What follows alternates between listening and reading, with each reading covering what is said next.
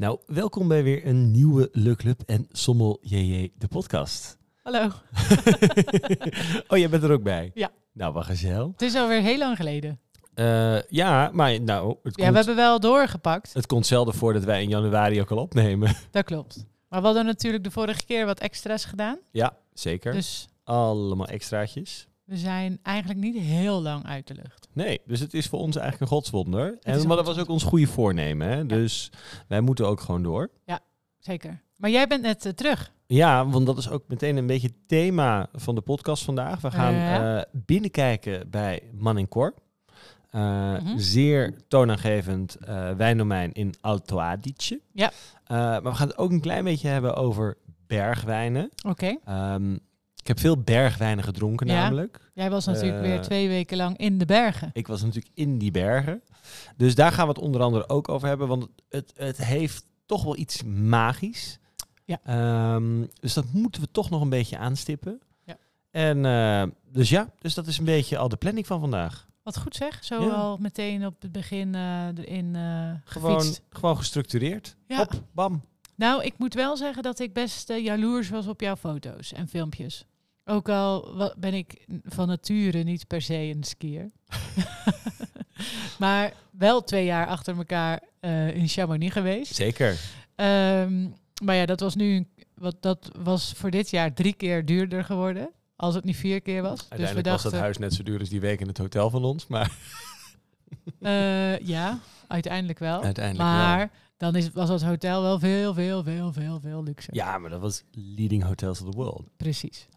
Dus ze vonden het Ehm. ook al allemaal zo... Je, we kwamen, dat is wel even leuk. We kwamen daar dus binnen. Ja. Ehm, maar wij kwa- we, doen de wintersport altijd met de trein. Dus Ja. dan op oud en nieuw, eh, lekker in de trein. En dan 's ochtends word je wakker in Innsbruck. Nou, helemaal top. Nou, die man van die trein die zat al helemaal in de stress. Want er ging van alles mis in die trein. Dan boek je dus een eerste klas coupé met badkamer. Eh, dat boek je trouwens, voor iedereen denkt dat ik altijd alleen maar eerste klas reis. Die boek je dus heel ver van tevoren. Ja, waardoor, dat is de truc. ja, dus als je drie maanden van tevoren op het moment dat die boekingen open gaan dat boekt. Ja. Dan betaal je dus net zoveel als je last minute eh, tweede klas zittend daar naartoe wil gaan. Ja. Ehm, alleen, dus dat was allemaal weer kapot. Dus we konden die hele badkamer en douche niet gebruiken. Die man had alleen maar stress. Ik had ook stress, want ik was vijf minuten van tevoren weer in die trein. Ja, En dat is echt aan de overkant van het ei. Dus het is ook gewoon dat je denkt, hoe dan? Hoe dan? Ehm, dus ik heb dan ook pas rust als ik in die trein zit. nou dat snap ik. Nou, dat had ik uiteindelijk. Ehm, eh, en toen in alle haast was ik natuurlijk weer de oplader van mijn laptop vergeten. Waardoor ik de eerste week weer totaal niks kon, niet kon werken. Ja, maar uiteindelijk denk ik dat dat goed was voor Ja, je. dus dat was ook goed. En toen in die trein, we hadden al wel twee flessen wijn mee. Mhm, mhm. Ehm, dat bleek helaas niet voldoende. Ja, dus nou, toen ben had ik aan de, aan de Broendelmaaiertjes Veltline gegaan. En, Want die eh, hadden ze dan in die trein. In die trein, ja, Ja. dat was hartstikke gezellig. Ja. Eh, dus nee, dat was, het, dat was helemaal top. Ehm, Ja, en- want jij dompelt je wel echt onder als je dan weer in Oostenrijk bent. In die Grüner Veldlingen, hè? ja, ik vind dat toch wel heel erg leuk. Eh, en dus ik- snaps. en d- nou, nee, ja, de derde boom snaps. Ja, Ja, ja. Dat was wel, dat was, daar heb ik nog steeds last van, denk ik. Eh, dus dat was wel heftig. Maar dan kom je dus met die trein heel ontspannen aan. Dus dat is echt heel erg chill. Nou, die eerste week zitten we dan in Oostenrijk. Dus dan is het alleen maar Oostenrijks. Maar dan kopen we ook Barolo. Oh ja, dat was was twee de- halen, één betalen of in de zo, toch? aanbieding bij de lokale supermarkt. En die bleek eigenlijk fucking fantastisch te zijn voor echt, nou echt 20 pieken Barolo. Je denkt, je, je snapt eigenlijk niet dat het kan. Eh, maar dat was echt wel top. Ehm, en dan, ja, dan is het gewoon die Oostenrijkse kneuterigheid. Ja, dit is heerlijk. Eh, Dus ik zou wel volgend jaar eh, toch ook wel weer op skivakantie willen. nou ja, ik, ik zit wel te denken, we kunnen met z'n allen ook een huis in Oostenrijk nemen. Ja. Ehm, Ik ben daarbij. Dit jaar was echt ook fantastisch, dat hotel. Ehm, Ja. Maar, hè, dus na Oostenrijk gingen wij dus naar dat hotel in Kroonplatz, in Brunico, in Alto Adige. En Goed. ja, dat was dus vijf sterren alles op. En dan kom je binnen en dan heb je dus een, een skilocker die op kamernummer. En Oh, dan, handig. dan pakken ze dus je skis uit en dan die zetten ze in die oh, dat hoef locker. je dan ook zelf niet Nee, nee, nee, dat doen ze Oh, allemaal dat voor je. is En van vijf sterren plus mag dat ook wel. Ja, nee, vind ik ook. En dan, dan die schoenen lekker over dat verwarmde ding. En dan eh, ze Oh. lopen met de bagage mee naar de kamer. Nou, en dan snappen ze niet dat wij dat gewoon zelf willen doen. Want ja, dat zijn natuurlijk Hollanders. Hè. Stel je voor dat je iemand iets voor je laat doen. Ja, maar ja, het heeft Ehm, toch wel lekker hoor. Maar dan, ja, reis. dus dat hotel. En dan had je, je had zeg maar een hele spa-toren. Ja, Dus had je gewoon, je had, En die infinity pool. en dat infinity pool, maar ook, ik kon ook gewoon met min 10 kon ik baantjes trekken buiten. Want dat bad was gewoon 32 graden. ja, is toch waan. Dus je reist met de trein om zeg maar je carbon footprint te verminderen, maar je trekt wel baantjes in het 25 meter bad van Ja. 22 Ja, graden bij min maar 10. Het is natuurlijk ook een beetje... ehm, ja, je kan ook niet alles goed doen. Nee, ik vind daarom. dat je al heel wat eh, inlevert aan comfort door die treinreis. Dat is heel goed. Zouden meer mensen moeten doen. Ja, nou heen valt dan wel mee, maar terug was eh, Heftiger. ja, zes landen op één dag. kan het niemand Het kan ook misgaan met de Ja. trein. Nou, je moet er wat voor inleveren. Maar ik vind dat wel heel goed hoor. Het is, maar het is ook best wel, uiteindelijk is het met de trein ook best wel ontspannen, moet Het ik is heel zeggen. chill. Hoor. Ik vind het ook. Net als eh, naar Londen of naar Ja. Parijs. Dus het is echt, Prima. dus ik ben wel fan, alleen het is ook gewoon zo duur en Ja, dat maakt het... eh, het is ook gewoon niet, Moeilijk. niet logisch allemaal. Want wij hadden dan één aansluiting niet gehaald, want we moesten terug over Bourgogne. En dat je ook afvraagt van hoe, hoe dan? mhm. Maar toen zijn we dus eh, begonnen in Italië. Eh, van Italië gingen we naar Oostenrijk, Innsbruck. Van Innsbruck gingen we naar Zurich. Maar op weg naar Zurich kwamen we ook nog door Liechtenstein en Duitsland. Van Zurich moesten we dan weer door naar Frankrijk. En uiteindelijk was Frankrijk het eindstation. En zijn we daar met de auto weer teruggereden naar Amsterdam. Dus uiteindelijk heb ik in twee dagen 24 uur gereisd of zo. Goed record. Kan het niemand aanbevelen. Nee, dat gaat dan weer net een beetje Nou, te ver. Maar het is toch wel, eh, je ziet een hoop. Je komt op een hoop plekken en toch nog even weer gewoon. Hè, dus we hebben ons ondergedompeld in Oostenrijkse wijn, in Ja. al, wijn uit Alto Adige, waar we Ja. het vandaag over gaan hebben. Maar ook nog even die laatste dag dat je dan toch weer even kan klappen met die bourgognes. Ja, dat zag ik op de fotootjes. En een flesje bolly. Maar we gaan eh, naar de tune, denk ik maar. Weet Zeker. Je? We moeten door.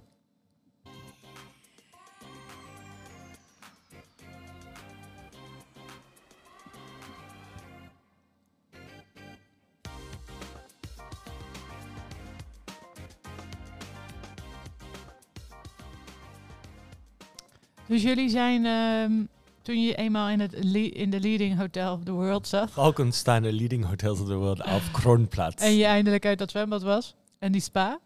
Dacht je van nou, nu gaan we nog eens eventjes langs. Bij onze vrienden van Man en Cor. Nou ja, het voordeel is als je twee weken gaat skiën, eh, dan hoef je dus niet elke dag te skiën. En Nee. ik was Maar die, dat was jij toch ook even vergeten? Nou, de eerste week. Want toen dacht ik, ik wil nu gewoon... De sneeuw was, was net allemaal sneeuw gevallen. En ik dacht, ja, ik ga Je ervoor. profiteren. Ik had skis gekocht. Ik denk, ik ga oh alleen, ja, maar, je hebt natuurlijk ook nog niet beskiet. alleen maar skiën. Ja. Dus dat heb ik gedaan. Ja. En toen dacht ik de tweede week van... Nou ja, het is, een, het is een uurtje en twintig minuten rijden. We kunnen misschien wel een autootje huren. Want dat was ook leuk. Ik denk dat wij de enige gasten in de historie van Valkensteiner zijn geweest... die daar met de bus zijn aangekomen. De Met- gewone sleurhut. ja, het gewoon sleuren met acht tassen. Oh, het is echt de hel op aarde.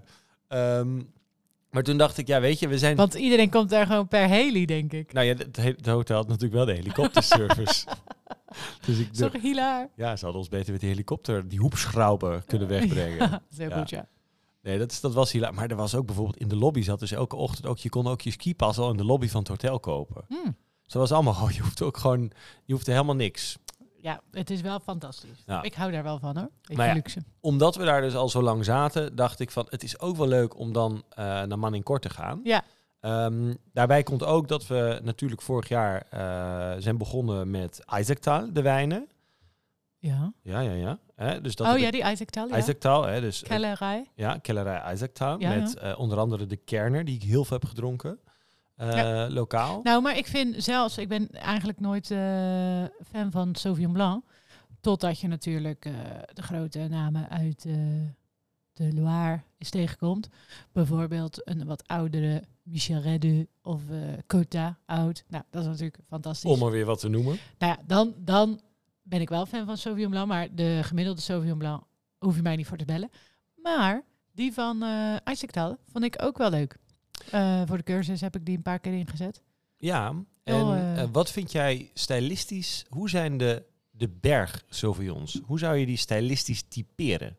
Nou ja, of het specifiek voor die Sauvignon is, maar gewoon alle bergwijnen, om het zo even te noemen, die, die hebben gewoon zo'n heerlijke frisheid. Zo'n sappige, beetje ziltige frisheid. Zijn nooit zo zwaar, altijd lekker lichtvoetig. Hadden we ook, vond ik, veel in, die, in de Savoie.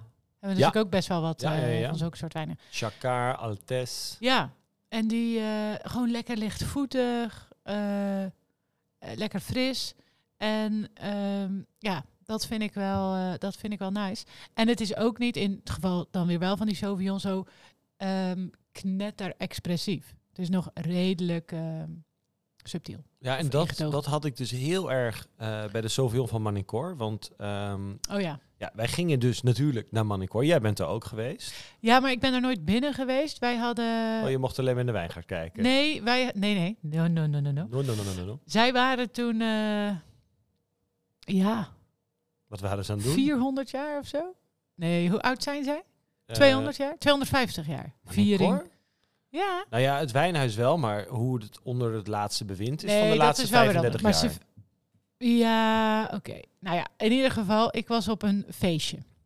Eh, een jubileum van ze. Ehm, maar hoe oud dat dan even was, is me even... Is me even Ze hadden eh, gewoon een ontgaan. verjaardagspartijtje en jij was erbij. En ik was daarbij. en dat snoep, was... alles erop en aan. Nou, wij hadden toen heel veel vertraging. Dus we waren daar, we kwamen echt, we were Dat so late keer met party. dat, met dat zetpilverhaal, toch? dat kunnen we helaas niet vertellen deze podcast. Ja, het was ook geen zetpil bij mij. hè. Laat dat even duidelijk zijn. Nee, dat klopt. Ehm, maar toen kwamen wij dus helemaal laat bij die... Bij, dus we konden nog wel mee eten, gelukkig. Of in ieder geval, we konden nog wel meedoen. Maar we hebben dus die rondleiding en zo gemist. Ja. Maar wel eh super mooie wijnen geproefd. Nog, en ja, Manincourt is gewoon geweldig. Alleen ehm, is het wel zo'n eh, zo'n huis dat, dat ik dus vaak vergeet. Ja, en dat had ik dus ook. Hè? Want ook in, eh, als ik kijk in de winkel en in de bar, het, het is eigenlijk een wijn die ik eh, niet vaak genoeg drink. Mhm. Ehm, en daarom had ik ook zoiets van, het is misschien wel weer even goed om daar nu eh, binnen Ja, te gaan kijken. Want het is steen goed. En ik zal even vertellen hoe dat zit. Nou, ik denk dat jij nog even terug moet naar die Sauvignon, want daar had je het net over. Ja, maar dan ga ik dan Oh, die, fiets ik straks wel in als Oh, we alle wijnen gaan Oké, beschrijven. stay tuned. Stay, tuned for more. Nee, want ehm, kijk, wij gingen daar dus naartoe. We werden ontvangen door de grote baas. Eh, en eh, toen zijn de beste man van, eh, ja, die begon al in het Engels. Ik zei, ja, maar wie kunnen dat vielleicht auch auf Deutsch machen? Dan Oh, dat zei je kunnen we dat, dat nog een beetje üben, hè, oefenen. Dus we hebben de hele proeverij en het bezoek in Duits gedaan. en ging dat ook goed bij Richard? Ja, ja, dat gaat prima. Oh, nee, maar het, op een gegeven moment wen je daar wel aan. En het is voor hem... Kijk, Alto Adige Zal is... ik eens zeggen als je weer in Frankrijk bent? Nou, Op dat een gegeven moment ben je hier wel aan. Je voudrais une bouteille de vin blanc. Oké, parfait. Ehm, maar eh, dus, dus, dat- dus dat went wel. Oké. Ehm, en het, het is ook gewoon goed. Alleen het leuke is, en dat, dat kwam ook in het hotel heel erg naar voren, het is een beetje ingewikkeld. Want ehm, ze spreken daar, het zijn twee talen. Ja, Hè? Dus we zijn Italiaans en we zijn eh, Duits. Maar ze moeten ook allemaal Engels kunnen. precies. En in dat hotel was het ook zo van, dan sprak je een Italiaans stel Duits aan, het personeel. Dan werden die Italianen weer boos dat ze als Duitsers werden gezien en Ja. vice versa. Het is ook onmogelijk. Nou, ik, toen, eh, toen wij daar dus waren voor die Alto Adige Summit, dan eh, hadden we ook zo'n etentje nog voor de, alle pers. En toen kregen we dus eh, alle speeches in het Italiaans, in het Duits en in het Engels. Dus Ja. eer wij konden eten, Ja, was alles ook koud. ja, ging ik kapot. Maar- maar goed, ja. Wat ik me nog even hardop wil afvragen. Kijk, ehm, de, de Alto Adige wordt natuurlijk... eh, we hebben er natuurlijk al een keer een podcast over gemaakt. Zelfs twee volgens mij. Ja, Een ik heb er de- volgens mij ook een met Bram gedaan. Ja, een Ja. van de eerste was met Bram volgens mij over Alto Adige. En daarna hebben we het nog een keer gedaan omdat jij op die eh perstrip was geweest. Ja. Eigenlijk vraag ik me af waarom deze regio zoveel promotie nodig heeft. Want ik heb niet echt het idee dat die wijn niet aan de straatstenen te Nou, slijten is. Eh, als ik het me goed herinner, wordt het, wordt het heel veel lokaal gedronken. Dus Ja. eh, lokaal in de regio, maar ook in eh, Italië. Ja, ja, ja. Heeft het ook veel meer aanzien en zo. Maar is het, is het ehm, ja, in Nederland toch minder bekend? Ja, grappig is dat eigenlijk. Ja.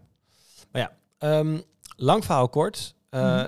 Even de een klein stukje historie over Alto Adige. Of, of sorry, over uh, Manicor. Ja. Want eh, het huidige bewind is nog niet zo lang. Eh, Mhm. het huidige bewind met biodyn biodynamie is eh, zo'n kleine 25 jaar oud. Eh, volgens mij uit mijn hoofd vanaf 2003. Mhm. En ehm, het verhaal wat ik nu ga vertellen is het verhaal wat Oh. ik van de sommelier uit het hotel te horen kreeg. Want we hadden verteld van, nou, we hadden die wijn al eerst, we hadden eerst eh, de Pinot Noir, de Pinot Nero gedronken in het hotel. En dan hadden we Mhm. gezegd, ja, we gaan er naartoe. En toen de volgende dag, toen we er waren geweest, eh, toen vertelde hij een leuk verhaal, net na dat bezoek. Ja? Nou ja, Manicor eh was van de Graaf. En ehm, toen op een gegeven moment gingen ze dus biodynamisch werken. Ja. Maar dat was in het begin totaal geen succes. En, Dat maar was- was, dat dan nog toen het, toen het wel al onder de hui- het huidige bewind was? Ja, en dat was in het begin dus eigenlijk helemaal niet zo'n groot succes. Ehm, en ja, dat is een beetje... eh, dus toen, ze wouden wel biodynamisch, maar het was allemaal maar een beetje zo-zo. Ja. Het was eigenlijk helemaal niet zo goed. En toen op een gegeven moment kwam daar de Castel Campan. Mhm. En dat is de, nog steeds op de dag van vandaag de absolute topwijn van Manicor. En die werd door critici lovend ontvangen. Nice. En daarna is eigenlijk het balletje een beetje gaan rollen. En zijn ze dus ook gaan. Eh, hebben ze dus ook echt verbeteringen kunnen maken in de kwaliteit. Ja. Eh, maar daarvoor was het eigenlijk nog niet. Kijk, ze waren wel biodynamisch, maar het is natuurlijk ook heel pittig om Zeker. biodynamisch wijn te maken. Want daar moeten we het misschien ook even over hebben. Hier moeten we nog een keer een hele podcast aan wijden. Ja, zeker. Maar ehm, biodynamisch is best wel een dingetje. Nou, ik weet ook wel dat eh, toen Palmer begon, Palmer uit eh, Margaux, Bordeaux, begon met biodynamie als eh, een van de eerste eh, op de linkeroever, hadden zij ook heel veel van de oogst was er verloren gegaan, omdat, omdat daar natuurlijk meeldauw en zo allemaal aan de orde van de dag eh, zijn. En, en ja, je moet het bijna spuiten om dat een beetje te voorkomen. Maar ja, als je dat niet meer kan, niet meer doet, dan, dan gaat er dus veel verloren daaraan. Dus dat, dat is gewoon een enorme strijd. En ja, dan is het maar weer de vraag van ja, hoeveel gaat er verloren? Of is het gewoon, eh, oogst je misschien ook wat slechte druiven? I don't know. Dat zou allemaal keuzes zijn dat. En, ehm, en dat is natuurlijk wel... ehm, het duurt altijd best wel lang voordat, voordat, voordat je helemaal geconverteerd bent. En voordat je, denk ik, dat ook een beetje snapt. Maar ja, Ja. het is toch anders. Het is veel meer eh, op de zaken vooruitlopen eigenlijk. Je moet, dus- je moet eigenlijk... Biodynamie gaat er natuurlijk van uit dat je geen eh, bestrijdingsmiddelen meer gebruikt. Geen chemische bestrijdingsmiddelen. Eh, maar dat je dus ook probeert door bodem ehm, samenstelling, maar ook door bodemleven, bepaalde ziektes te voorkomen. Dus soms zie je ook wel eens, dat zag ik bij Palmer dus bijvoorbeeld, dat ze ehm, eh, huisjes voor vleermuizen gingen bouwen. Omdat dat dan weer bepaalde andere insecten tegengaat. Omdat ze dat eten of whatever.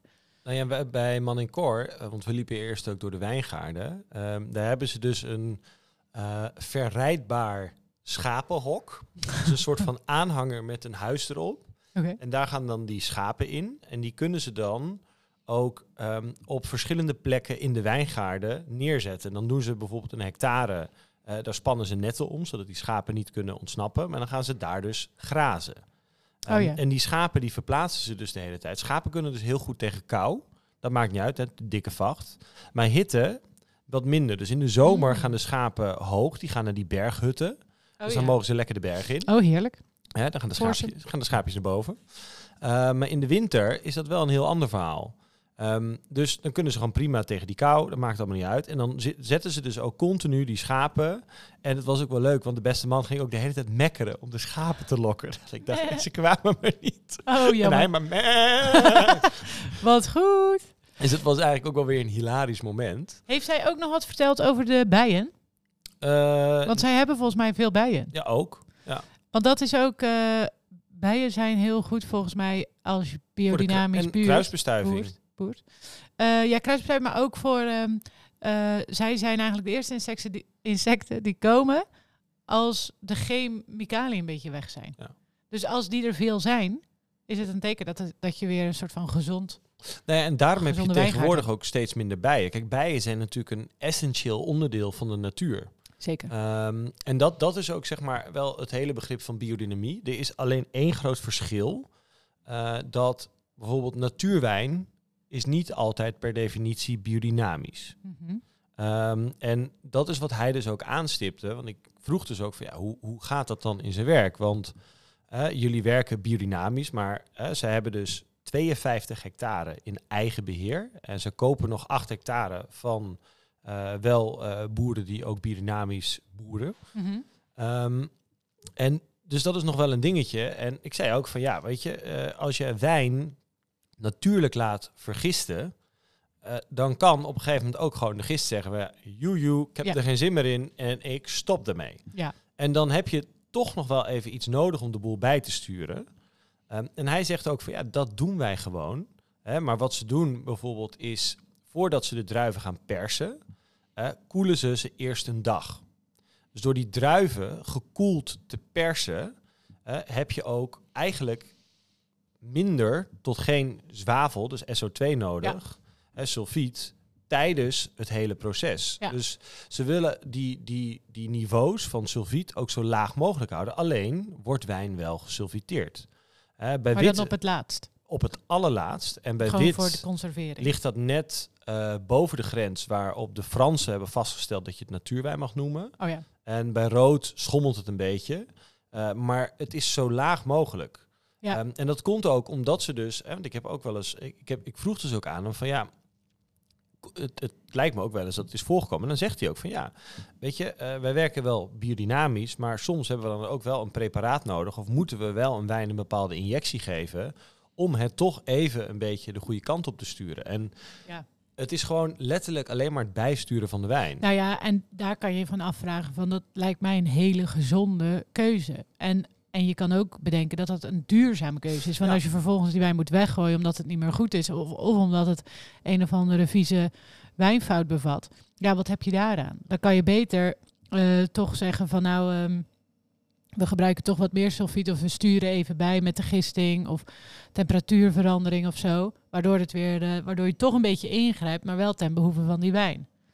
Wat ik, wat ik dan weer wel me afvraag, is waarom ze niet gewoon, eh, ja, dat klinkt misschien makkelijker dan het is, maar s s'nachts oogsten of s nou, kijk, vroeg. je hebt natuurlijk ook ehm, eh, de kosten van arbeid. Ja, en dus dat is s'nachts oogsten. Kijk, ehm, eh, het, het- het- de hellingen zijn ook weer niet zo stijl. Alleen zij dus ook rondom het wijndomein, rondom Manincourt, liggen heel veel wijngaarden. Maar als je dus ook de, de Weinstrasse eh, volgt, Ehm, dan hebben ze ook nog percelen op verschillende gebieden. En eh, toen we daar ook waren, eh, liet hij ook heel duidelijk zien welke wijn van welke percelen komt. Dus Pinot Noir ligt bijvoorbeeld wat, eh, Pinot Nero ligt wat hoger, Mhm. waardoor het wat koeler is. Mhm. En de wijngaarden bij het hu- wijnhuis zelf is zo'n 250 meter hoogte. Ehm, en dat ligt ook nog bij een meer, wat natuurlijk weer voor een bepaald verkoelend effect zorgt. Dus ook dat speelt allemaal weer mee. Maar dat, Eh, zouden, dat is dus misschien vooral arbeidskosten. Ja, want ehm, dat vertelde hij ook. Het hele, want ze waren bezig met de wintersnoei. Maar alles wordt handmatig gedaan. Ja. En dan heb je ook nog verschillende manieren van snoeien. Want wat heel interessant is, en dat zie je ook alleen maar als je daar bent, ehm, is dat bijvoorbeeld de Vernatsch, hè, Oh ja, hè, de lokale druif, ehm, Schiava. hè, Schiava, Dat is dezelfde, toch? ja. Ja. Dus Vernatsch of Schiava, ehm, dat die volgens een pergola-methode wordt verbouwd. En toen vroegen we ook van ja, maar is dat ook beter? En toen zei hij, nou ja, als ik het nu opnieuw zou aanplanten, zou ik het niet in pergola aanplanten. Uh, maar dit is de manier waarop het van oudsher hier gedaan werd. Hè. Ik zou ze gewoon normaal opbinden. Ja. Dat is veel makkelijker. Ja, maar het kan misschien wel nog wat doen voor de temperatuur. Want dat is, dat is weer wat ik eh, heb geleerd in Suave. Daar zie je ook veel pergola. En daar, omdat ze dan toch een soort van schaduwdekje creëren. Ja. En het kan natuurlijk heel warm worden in Alto Adige. eh, dat wel de trostemperatuur een stuk lager is. Ja. Dus, En maar goed, ik weet niet of dat eh, daar. Ja, en een ander bijkomstigheid, of bijkomstigheid, en ja, het kan een voordeel, het kan een nadeel zijn, is dat je rendement per hectare eh, bij biodynamisch ook iets lager ligt. Oh ja, Eh, dat hoeft natuurlijk niet per maar ja, definitie. meestal natuurlijk wel. Maar hè, omdat je, kijk, je kan heel veel, je kan van sommige eh, type druiven kan je 100 tot 120 hectoliter per hectare van de stok aftrekken. Ja. Eh, als je natuurlijk niks doet. Kijk, en hier wordt heel veel gedaan. Ja, en, het- je moet en het natuurlijk natuurlijk veel moeilijker. bijsnoeien en zo. Ja. Als er natuurlijk iets van rot in is, dan moet dat zo snel mogelijk weg. Dus, En ik denk ook voor de, dat de winter goed doorheen kan en zo, moet je natuurlijk best Ja. wel wat van de groene oogst afhalen, I guess. zodat de kans op schimmels minder wordt. Ja, dus die rendementen liggen gewoon een tikje lager. Ja. Eh, wat natuurlijk ook goed is, hè, want het komt vaak ook ten behoeve aan de kwaliteit. Maar bepaalde wijnen zitten dan onder de 50 hectoliter per hectare. Nou, dat valt allemaal ook nog wel reuze mee. Maar Mhm. het, het is wel iets wat je ziet, eh, denk ik, als je een grafiek met eh, biologisch, biodynamisch en conventioneel naast elkaar zou zetten, denk ik dat daar echt wel een, soort- dat daar echt wel een verschil in te zien is. Ja. Oké, dus biodynamisch in de wijngaard. Met schapen en met eh, van alles. Alles geen, handmatig. Nou, ja, alles 52 handmatig. hectare met de hand doen. Hè. In de zomer met Dat de pluk duur, hebben ze ook 50 man rondlopen. Maar in de winter hebben ze ook een team van 20 tot 25 man rondlopen. Die continu op allemaal plekken aan het snoeien is. En alles met de hand aan het doen is. Mhm. En, en het vroor daar gewoon toen we er waren. Dus, bedoel, Ja, het is een bijzonder klimaat. ja. Maar ook hij zei, het is, daar ook, het is ook daar warmer geworden. En nu Mhm. zitten ze nog niet in de gevarenzone. Ja, dat kan natuurlijk wel. En dat is onder, Nou, ja, ze hebben natuurlijk ook al, eh, ze hebben natuurlijk ook die eh, Cabernet Sauvignon en eh Cabernet Franc. maar ook Tempranillo Oh ja. en Shiraz. Ja. Hebben ze ook. ja, dat is toch wel weer bijzonder. Ja. Nee, dus, dus van hè, de wijngaard naar de kelder. Want wat Man in Cor bijzonder maakt, en als we het even hebben, mijn, e- een van mijn eerste wijnreizen ooit was ook naar Alto Adige. Mhm. Eh, daar bezochten wij Alois Lageder. Dat zit bij de Gouden Ton in Nederland, of Residanswijnen. Mhm. Ehm, en Lageder was eigenlijk de eerste in de regio die met biodynamie begon. Ja. Eh, dus ik bedoel niet de grondlegger van biodynamie, Nee, eh, maar in de regio. maar in de regio. En iedereen heeft die man ook heel lang voor gek verklaard. Mhm. Totdat iedereen dacht van ja, maar hij maakt toch wel eh, substantieel goede wijnen. Nou, en we hebben van Lageder bijvoorbeeld ook al eens, eh, die hebben weer Carmenere, maar ook Assyrtiko. Oh ja, Assyrtiko. Dus dat was is wel wel van alles mogelijk daar in Ja. die bergen hoor.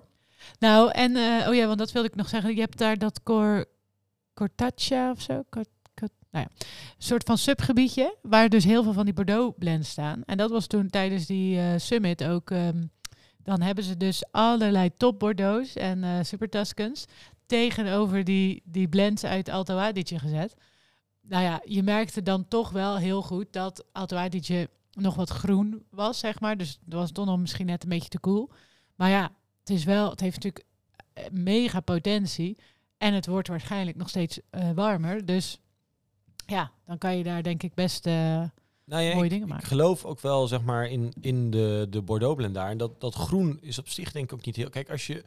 eh, als we de drie regio's, eh, Bordeaux, Alto Adige en Toscane even naast elkaar leggen, dan Mhm. zijn de tannines van Toscane vanwege het warme klimaat veel rijper. Ja. Hè, dus een super Toscan is Fruit veel rijper in fruit, waar een Bordeaux in een koel jaar altijd nog wel iets groens heeft. Ja. En Bordeaux heeft voor mij vaak al net weer iets meer ontwikkeling. In, ook in jonge fase heb je primair, tertiair, secundair. Hè, dus dat gaat een beetje alle kanten op. Ja. Ja, en dan Alto Adige is nog, het heeft iets meer die knekkige zoieren. Die knekkige zeuren. Zauren. Ja. Dus het is wel, eh, het is speciaal. Maar Ja. dan naar die kelder. Want we kregen Ja, we daar moeten naar de een, eh, rondleiding door de kelder. En eh, waarom ik ook zo net uh, Lagede aanstipte, is omdat ik toen ook voor het eerst zag dat bij Lagede werken ze dus met de zwaartekracht. Ja. En dat is bij uh, Manicor ook zo. Ze hebben die hele wijnkelder in die wijnberg gebouwd. Ja, mooi. Ehm, dus die wijn die komt in, het bovenste, in de bovenste laag binnen. En die kan dus, hè, dus die zakt door middel van de zwaartekracht af. Dus we Ja. hebben een verdieping, daar wordt de wijn dus geperst. Ja. Hè, dan zakt die af naar de grote eh vergistingstanks. En dan zakken we af naar de kelder, waar de wijn uiteindelijk rijpt. Dus het komt zo min mogelijk in contact met zuurstof. Ja, dus je laat gewoon de zwaartekracht het werk doen. Ja. Ehm, en, Duurzaam. ja, en Kost niet wat veel energie. ook heel erg leuk was, want deze man was ook wel, hij had echt lekker een mening en daar hou ik van. Mhm. Ehm, Houden we van. is dat, ehm, eh, wat zei hij nou ook alweer? Ik hoorde toen ik daar door de, de vatenkelder liep, klassieke muziek. Oh ja. Dus ik zei van, hè, want we kennen klassieke muziek van de Morgenzon en nog Zeker. heel veel andere domeinen die het ook doen. Lageder heeft het ook in de vatenkelder. En toen vroeg ik van, ja, maar eh, ik, wist De Sousa ook. ik, ja, ik wist helemaal niet dat jullie dit deden. Hij zegt, ja, weet je, ik, ik, ik zeg, doet het dan ook wat voor je? Hij zegt, nou ja, weet je, ja, marketing, eh, allemaal leuk en aardig. Maar eigenlijk is het ook wel gewoon, stel je even voor, je komt die kelder binnen en je hoort niks. Maar stel je voor, je komt die kelder binnen en je hoort die muziek. Hij zegt, dat is eigenlijk best gezellig. Dus het is meer ook voor de uitstraling. Nou is ook volgens mij wel wetenschappelijk onderbouwd dat klassieke muziek wel van invloed is op het groeien van een plant. Ik weet niet of het wetenschappelijk onderbouwd is hoor. Nou ja, het is in ieder geval onderzocht. En uiteindelijk blijft dit verhaal natuurlijk magie. Maar zijn conclusie was van ja, fuck marketing. Uh, het is gewoon leuk. Het is gewoon leuk Nou, en het, klinkt gewoon gezellig. Ik mooi. Ja. En welke, zij hebben, ze doen de helft of zo in, in hout, toch? Ze ja, hebben best ze, hebben, veel... eh, ze hebben best wel veel hout, maar het is zelden tot nooit nieuw. Ja. Dus het is niet dat hun topwijn, eh, bijvoorbeeld, want daar had ik het dus ook over, zijn eh, de, de topwijn, ehm, die eh Castel Campan, mhm. die zit nog steeds in vaten die nu al volgens mij 15 of 20 jaar gebruikt Oh, ja. worden. En dat is gewoon een oud eikenhouten vat, maar die wijn heeft nog steeds volgens hem dezelfde signatuur. Ehm, dus het, het is het is, ze hebben kleine eikenhoutvaten, maar ze hebben ook veel grotere voederes. Ehm, Ja, volgens mij hebben ze ook eh, wat van, van eigen hout. Zeg maar, van eigen, Ja. eigen hout gemaakt. Zeg maar, eigen vaten gemaakt van eigen bomen. Nee, ja, ook dat nog. Ehm, dus het is, dat is allemaal wel echt heel interessant. En kijk, alles wordt onafhankelijk van elkaar gemaakt en dan later dus ook weer geblend. En eh, ik denk dat we zo even naar de wijnen gaan, Ja. want we hebben daar natuurlijk een hoop eh, wijnen geproefd. Althans, ik, ik dan vrij recentelijk. Mhm. Ehm, is dat, ja, dus dat, het hout, moet ik zeggen, merk je niet echt in de wijnen. Eh, het, is, het is er wel, zeker. Behalve in die, in die witte. Ja, in die, nou ja, in de Chardonnay en de Weissburgunder. En die eh Tannenberg. Ja, die, ja, ook. Maar het is vooral heel erg... Nou, het is niet zo, zo, zo dik. Of, of ja, soms wel. Maar het is niet zeg maar dat het zo'n vanille... nee, het is, nee, het is niet, niet. zeg maar eh, dikke, vette Chardonnay. Nee. Het is echt... De, het, het hout is voor hem echt complementerend aan de wijn. Mhm. En zoals eh, een groot wijnmaker ooit zei, Raoul Perez... This wine lacks the typicity. Ja. Is dat eh, hier komt ook nog wel het, het, het karakter van de druif in naar voren. En Ja. dat, dat vind ik wel... Het is... Het, misschien zijn de wijnen het best wel te omschrijven als subtiel. Mhm. Niet Ja. uitgesproken, maar subtiel. Ja, jij kent ze nu beter. Maar ik vind bijvoorbeeld die Sophie. Sophie is toch de Chardonnay? Ja. Die vind ik die is best intens. Ja, Maar heeft wel, zeg maar, dat hele sappige, gewoon super, die knek, wat zei je ook knekkige Zauren. Dat heeft hij natuurlijk wel. Ja. Dus het is wel super mooi in balans. En het is natuurlijk, eh, ja, heel wat anders dan zo'n dikke wet Chardonnay. Ja, nee, ik vind niet. Ik vind dat ik vind die wijn echt fantastisch. Ja. Maar zullen we beginnen met eh Weissburgunder? Eh, Heb je die nou, geproefd? we gaan eerst even naar eh, de blends. Oh. Want we hebben eh, de twee witte blends. Dat is de La Manina. Maar hebben wij die ook in de winkel? Ja. Oké. Dus ik behandel ook alleen maar wat we hebben. Nou, ik wou zeggen, maar ja, Eh, dat is makkelijk. we hebben La Manina. En dat is eigenlijk... eh, we hebben La Manina en La Contessa. En beide Oh ja. blends bestaan uit dezelfde druivenrassen. Dus Sauvignon Blanc, Weissburgunder, Chardonnay. Met Right. iets andere verhoudingen. Ja, ja, ja. We kunnen eens even kijken bij de La Manina. Die had ook weer knekkige zauren. Knek hier Ehm, en eh, Het is gezellig. Eh, eens even kijken. Dat is dus eh 44% Pinot Blanc, eh 38 Chardonnay en 18 eh Sauvignon Blanc. Ehm, en ja, dit heeft dus... Ja, ik vind dit zo'n heer... Dit is echt zo'n bergwijn. Dit is de instapper. Daar zijn we afgelopen jaar mee begonnen. Om die te verkopen. Omdat het prijsspel van Man Cor eigenlijk vanaf 25 euro lag. En dat is natuurlijk wel... Dat is best wel pittig. Eh, al zijn de wijnen het ook echt waard. Ehm, maar dit is in de winkel 1760 volgens mij. En gaan we ook in de bar in eh, Wijnbar vind ik in ieder geval per glas schenken. Want dat eh, vind ik leuk. ja, ja. lekker, lekker, lekker. lekker, lekker. Ehm, maar dit was voor mij echt gewoon typisch. Ehm, ja, en het, ja, het is heel gek, maar al die witte wijnen hebben een bepaalde kruidigheid. Het is een beetje Hmm. salie, tijm. eh, het, is, het is zo'n subtiele ondertoon. Misschien ook wel door wat schilweking of zo? Ja, een beetje schilcontact. Maar het, het is gewoon zo super clean.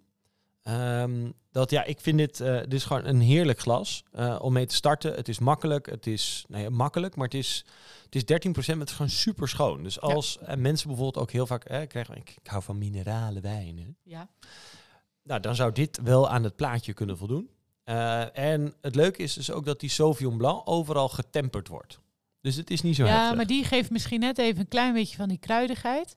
Eh, maar maar eh, niet eh, dat heftige Nieuw-Zeelandse, Nee, zeg maar. nee, zeker niet. Dat zie je niet. En dan heb je daarna, krijgen we dus de La Contessa. Mhm. En dat is in principe zelfde blend, maar even een niveautje omhoog. Dus we hebben ook weer Pinot Blanc, Chardonnay en Sauvignon Blanc. ja, dat die- vind ik wel een toppertje. En de Sauvignon Blanc uit deze blend komt uit Terlaner DOC. Oh ja. Speciale DOC voor Sauvignon Blanc. Ah, kijk. Terlaner, ook een andere naam voor Sauvignon Blanc. Eh, maakt het weer ingewikkeld. Mhm. Ehm, en dit is wel, zeg maar, dit is even iets serieuzer. Ja.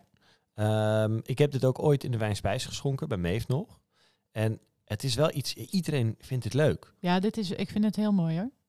Het is, het is wel, het is ietsje voller. Mhm. Het is iets gelaagder, Ziltig. ziltig. Ehm, maar het heeft wel echt on- ongekende spanning. Ja. En wederom verdwijnt die Sauvignon Blanc weer in die blend, maar zorgt wel voor die mooie ondertoon. Ik denk dat je dit best eens een keer in een soort van Bourgogne-achtige tasting kan zetten.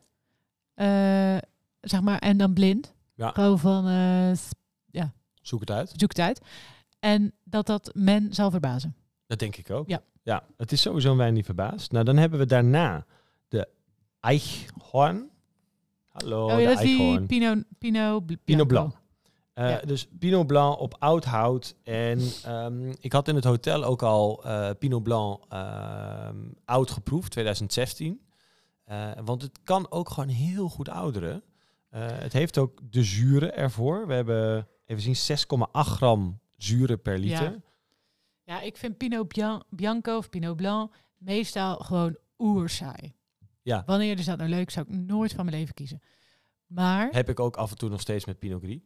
Ik heb Ja, het daar best wel veel wel. ook nog wel gedronken, maar dan op de piste. Maar het stelt ook weer niet teleur. Het is, de, maar ja, eh, ik vind het gewoon meestal een beetje boring. Maar dan vind ik deze te gek. En ook die van Trimbach hebben Ja. wij wel eens gehad in een eh aspergeproeverij of zo. Ja. Eh, die was ook heel leuk. Dus je hebt er wel een paar. Maar ja, En hier merk je dan natuurlijk ook wel weer het hout, wat die wijn spannender maakt. En dat Ja. zien we natuurlijk ook in Duitsland, dat we daar ook Weissburgunders hebben met houtlagering, die ook echt wel spannender kunnen zijn. Ja. Ehm, dus ik, ik had het hier wel. Eh, dit is winkelprijs ook meteen dan wel weer iets duurder. Maar wil je een keer echt totaal wat anders? Dit is heel leuk voor een blindproeverij. mhm. Ehm, en het, het is gewoon wederom super clean. Ja. Eh, maar wel met iets meer het hout eh, en iets meer vulling. Right. Right, right, right. Dan hebben we nog, eens even kijken, Tannenberg. Hallo, Tannenberg. Was de Sauvignon Blanc. Blanc. Ja, ja. ook heel leuk. Wel iets dikker. ja, en jong, ik heb het daar jong gehad. Dus we hebben 22 gehad, maar ook 16.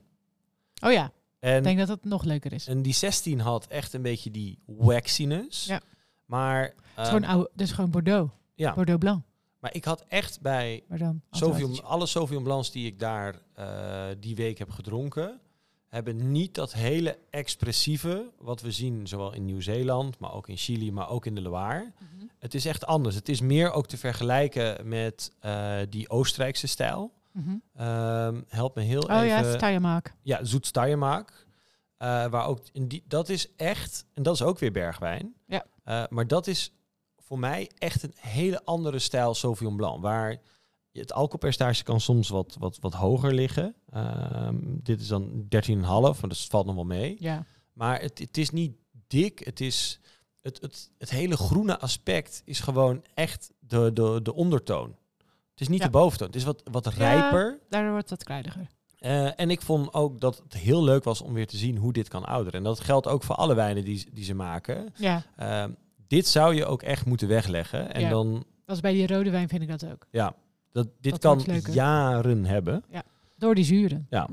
Die knekkige taal. Nou, dan hebben we ook nog Sophie. De Sophie, ook altijd goed. Eh, dat is dus echt voor de Chardonnay lovers. Maar het is niet 100% Chardonnay. Oh, Er zit, eh, ja, want eh, daar hij fietsen nog ja, in de marge. Je mag 15% eh, tuurlijk, tuurlijk. van iets anders erin flikkeren. Want hij blijkt ook nog een Viognier te hebben, de beste man. Ja, maar die man heeft volgens mij ook Gros en Petit Manseng. Ja, hij heeft van alles. Hij heeft heel veel Ja. aangeplant staan. Dus er zit ook nog 4% eh Viognier en 2% Sauvignon in. Hm. Voor net Eh, even die eh tropische ja. touch. En eh, het, het geeft hem ook wel weer meer vulling. Ik, dit is wel de, de, wat, ja, de meest volle van de drie witte, Mhm. zou ik zeggen. Eh, van, de, van alle witte. Het is echt wat, wat rijker. Het is natuurlijk wel echt Chardonnay. eh, maar het houdt overheerst niet. Ja. Ehm, dus vind ik ook echt eh, weer lachen. En dan, eh, ja, we, hebben, we doen natuurlijk alleen maar wat we hebben. En ik wil dus ook eh Der Keil. Wat is dat? Dat is de Vernatch. Oh, ja, ja, ja, ja, ja. Dat is, maar is die er altijd al? Die is er altijd al, alleen die, die hebben we niet in het assortiment. Vind ik wel leuk, want ik Vind- hou wel van Schiava. Ja, ik vind dat ook zwaar. leuk. Ik heb dus ook daar, eh, vooral op de piste, want dat ski is zo leuk. Dan heb je voor 24 euro zit je weer aan een, aan een fles Pinot Nero. Nou ja, dat is natuurlijk in Oostenrijk of in Alto Adige leuk. Maar ja, in, Chamonix was het huilen met de pet op. kon je, kon je gewoon niet betalen. Nee, dat dat was was 24 euro voor een glas. Ja, praktisch wel. Ja. Dus daarom, was het, ik, daarom vond ik het skiën daar ook echt leuk. Ja. Eh, we, waren ook, we zijn ook drie keer bij hetzelfde tentje geweest. Want die hadden gewoon ook, denk ik, eh, eh, wel een stuk of 15 wijnen per glas. ja. Dus dat was gewoon lachen. Dus dan hadden we ook weer Kerner of Sint Magdalener. waar ik Ja, niet in geloof. Maar dat is een ander verhaal. Maar ook Lacrijn en Cabernet Sauvignon. wat? Waar geloof je niet in? Sint Magdalena. Ja, maar dat is toch gewoon seks, eh Lagrein en Schiava? Ja, ik vond het niet. eh, ik heb dat was het allemaal net niet. Nee, oké. Maar volgens mij is dat gewoon een A en DO. Ja, ja, ja. maar dat was die Sint Magdalena. Die, die ja, mm, nee. Nee, Nee, is Nee, goed. ik vond het altijd een beetje tegenvallen. Oké. Ehm, Mag er zijn. maar Wernards vind ik wel. En ook Lacrijn, of op de piste, voor lekker makkelijk en pinoneren. Het, kijk, Maar ik ben, ik ben meer fan van Schiava dan van Lagrein.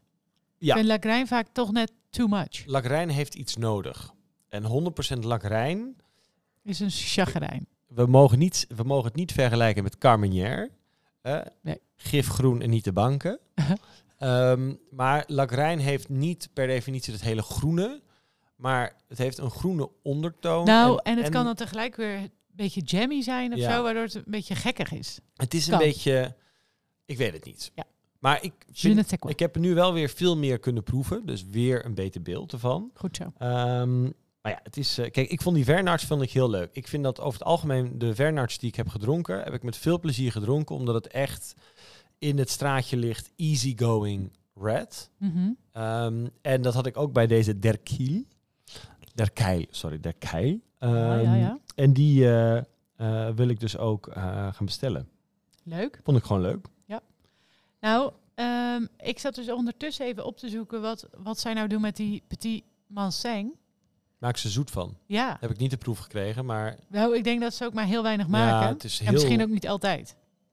Ik heb de flesjes daar wel zien staan. Oh, maar ik ben denk ja, naar. met acht en een halve tas die ik al mee moest zeulen, Nee. denk ik, ik, een keer ik bestel met de eerste pallet wel wat mee. Nou, dat, dan wil ik dat ook. Want ehm, hij had, ik, zie, ik lees het dus even nu eh, ondertussen. Maar hij had dus die Petit Manseng ontdekt op een tripje naar Jurançon.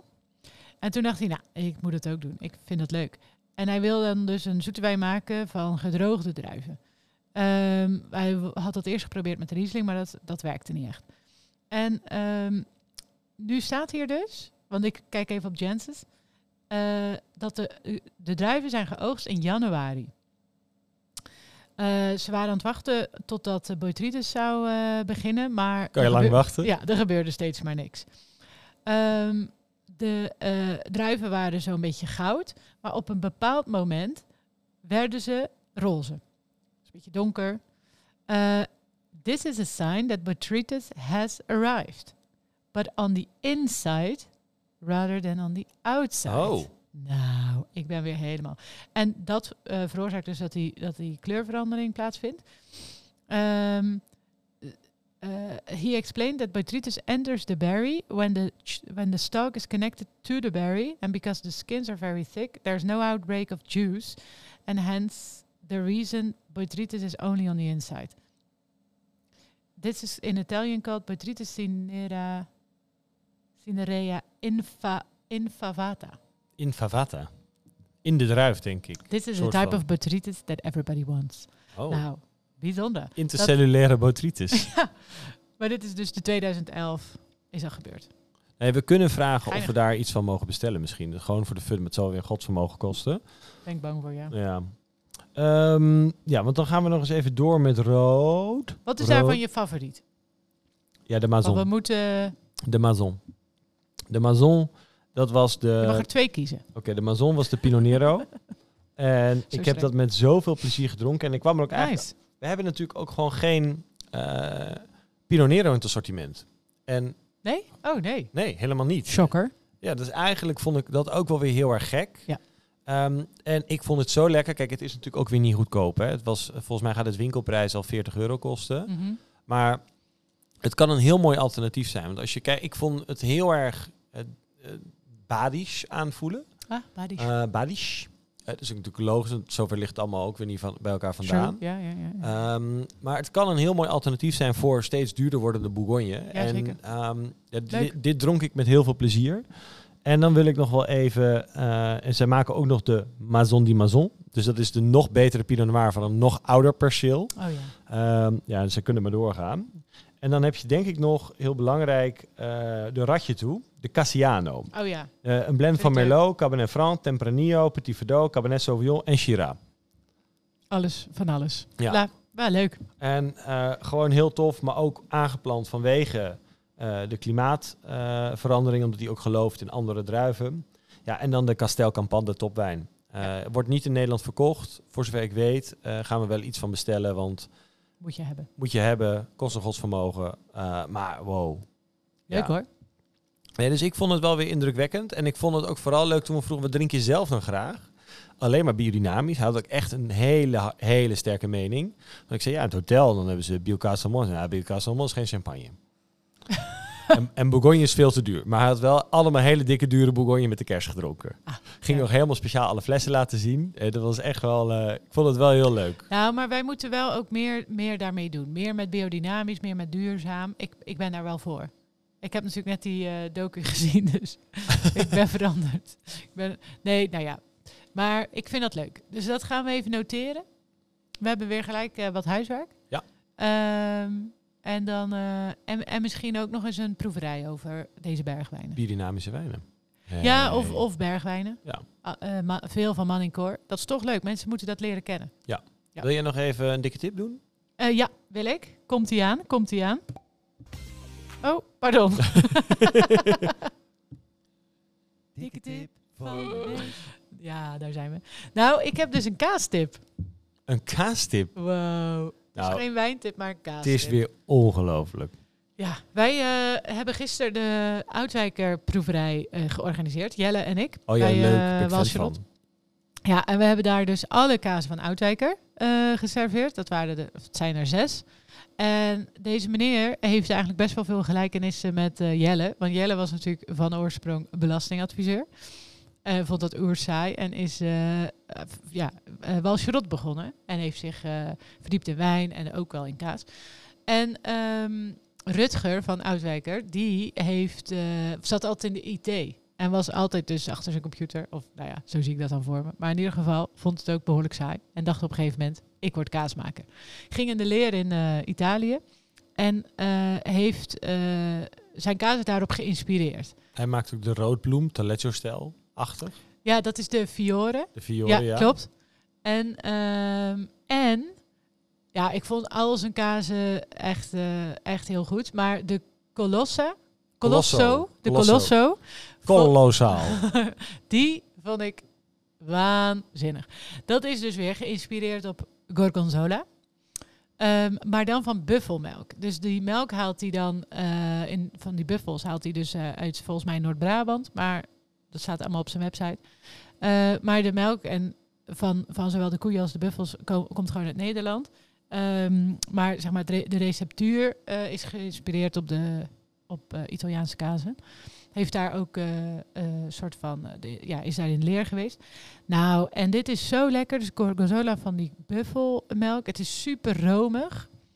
Heel echt super creamy en heel subtiel die blauwader erdoor, zeg maar, die, die schimmel. Oh, je iets wat ik waarschijnlijk nog wel lekker zou willen. Nou, ik dat denk ik wel. te heftig. Ja, nee, het is totaal niet heftig. Het is juist veel meer dat romige wat er doorheen komt. Super ziltig ook. Mega lekker.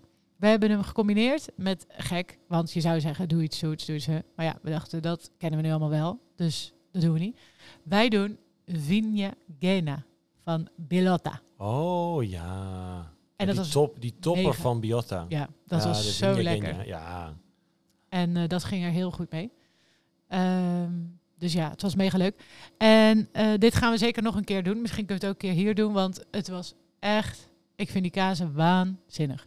Leuk. Ja, ik ben sowieso voor. Ik, ben, ik heb jarenlang altijd ook al met heel veel van hun kazen gewerkt. Dus ik ben er sowieso fan van. Nou, ik kreeg ook heel veel ehm sommeliers op mijn eh, Instagram. Die zeggen van, eh, oh wat goed, en ken je die, ken je dat? Ja, ik zei, ik ken ze allemaal, want we hebben ze allemaal Ja. in deze proeverij gedaan. Maar iedereen is, is heel, heel, heel erg fan ervan. Dat wist ik dus helemaal niet. Maar bij deze, dikke tip. Dik tip van de week. Ehm, restaurant? Ja, kan nog wel even. Restaurant, restaurant, restaurant. Recensie. Nee, dat was dus... Wij zaten dus daar in dat Seven Summits eh hotelrestaurant. Ja. En dat was dus elke dag. We hadden dus een... Dat hotel was dus eh, bijna vol pension. Er was alleen geen lunch. Maar ja, dan sta je op de piste. hè. Ja. Dus je had elke ochtend ontbijt en dan het diner. Mhm. Maar het diner was een soort van viergangen keuzediner. Acht dagen lang. dus, op een, Applaus. dus wij kenden op een gegeven moment al het personeel. Dus er werden extra glazen ingedekt. Oh. Want ze wisten dat we... Er stond al een koeler bij de tafel. Omdat we de rode wijn nog ietsje koeler wouden hebben. Ze wisten op een gegeven moment dat we bruis dronken. Oh, maar dat vind ik wel leuk dat ze dat dan allemaal onthouden en, En- gewoon... eh, En, elk, en dan hadden we ook weer een bediende. En die zei... Hello, I am here. ik zei, oké, hallo, ja, wij ook.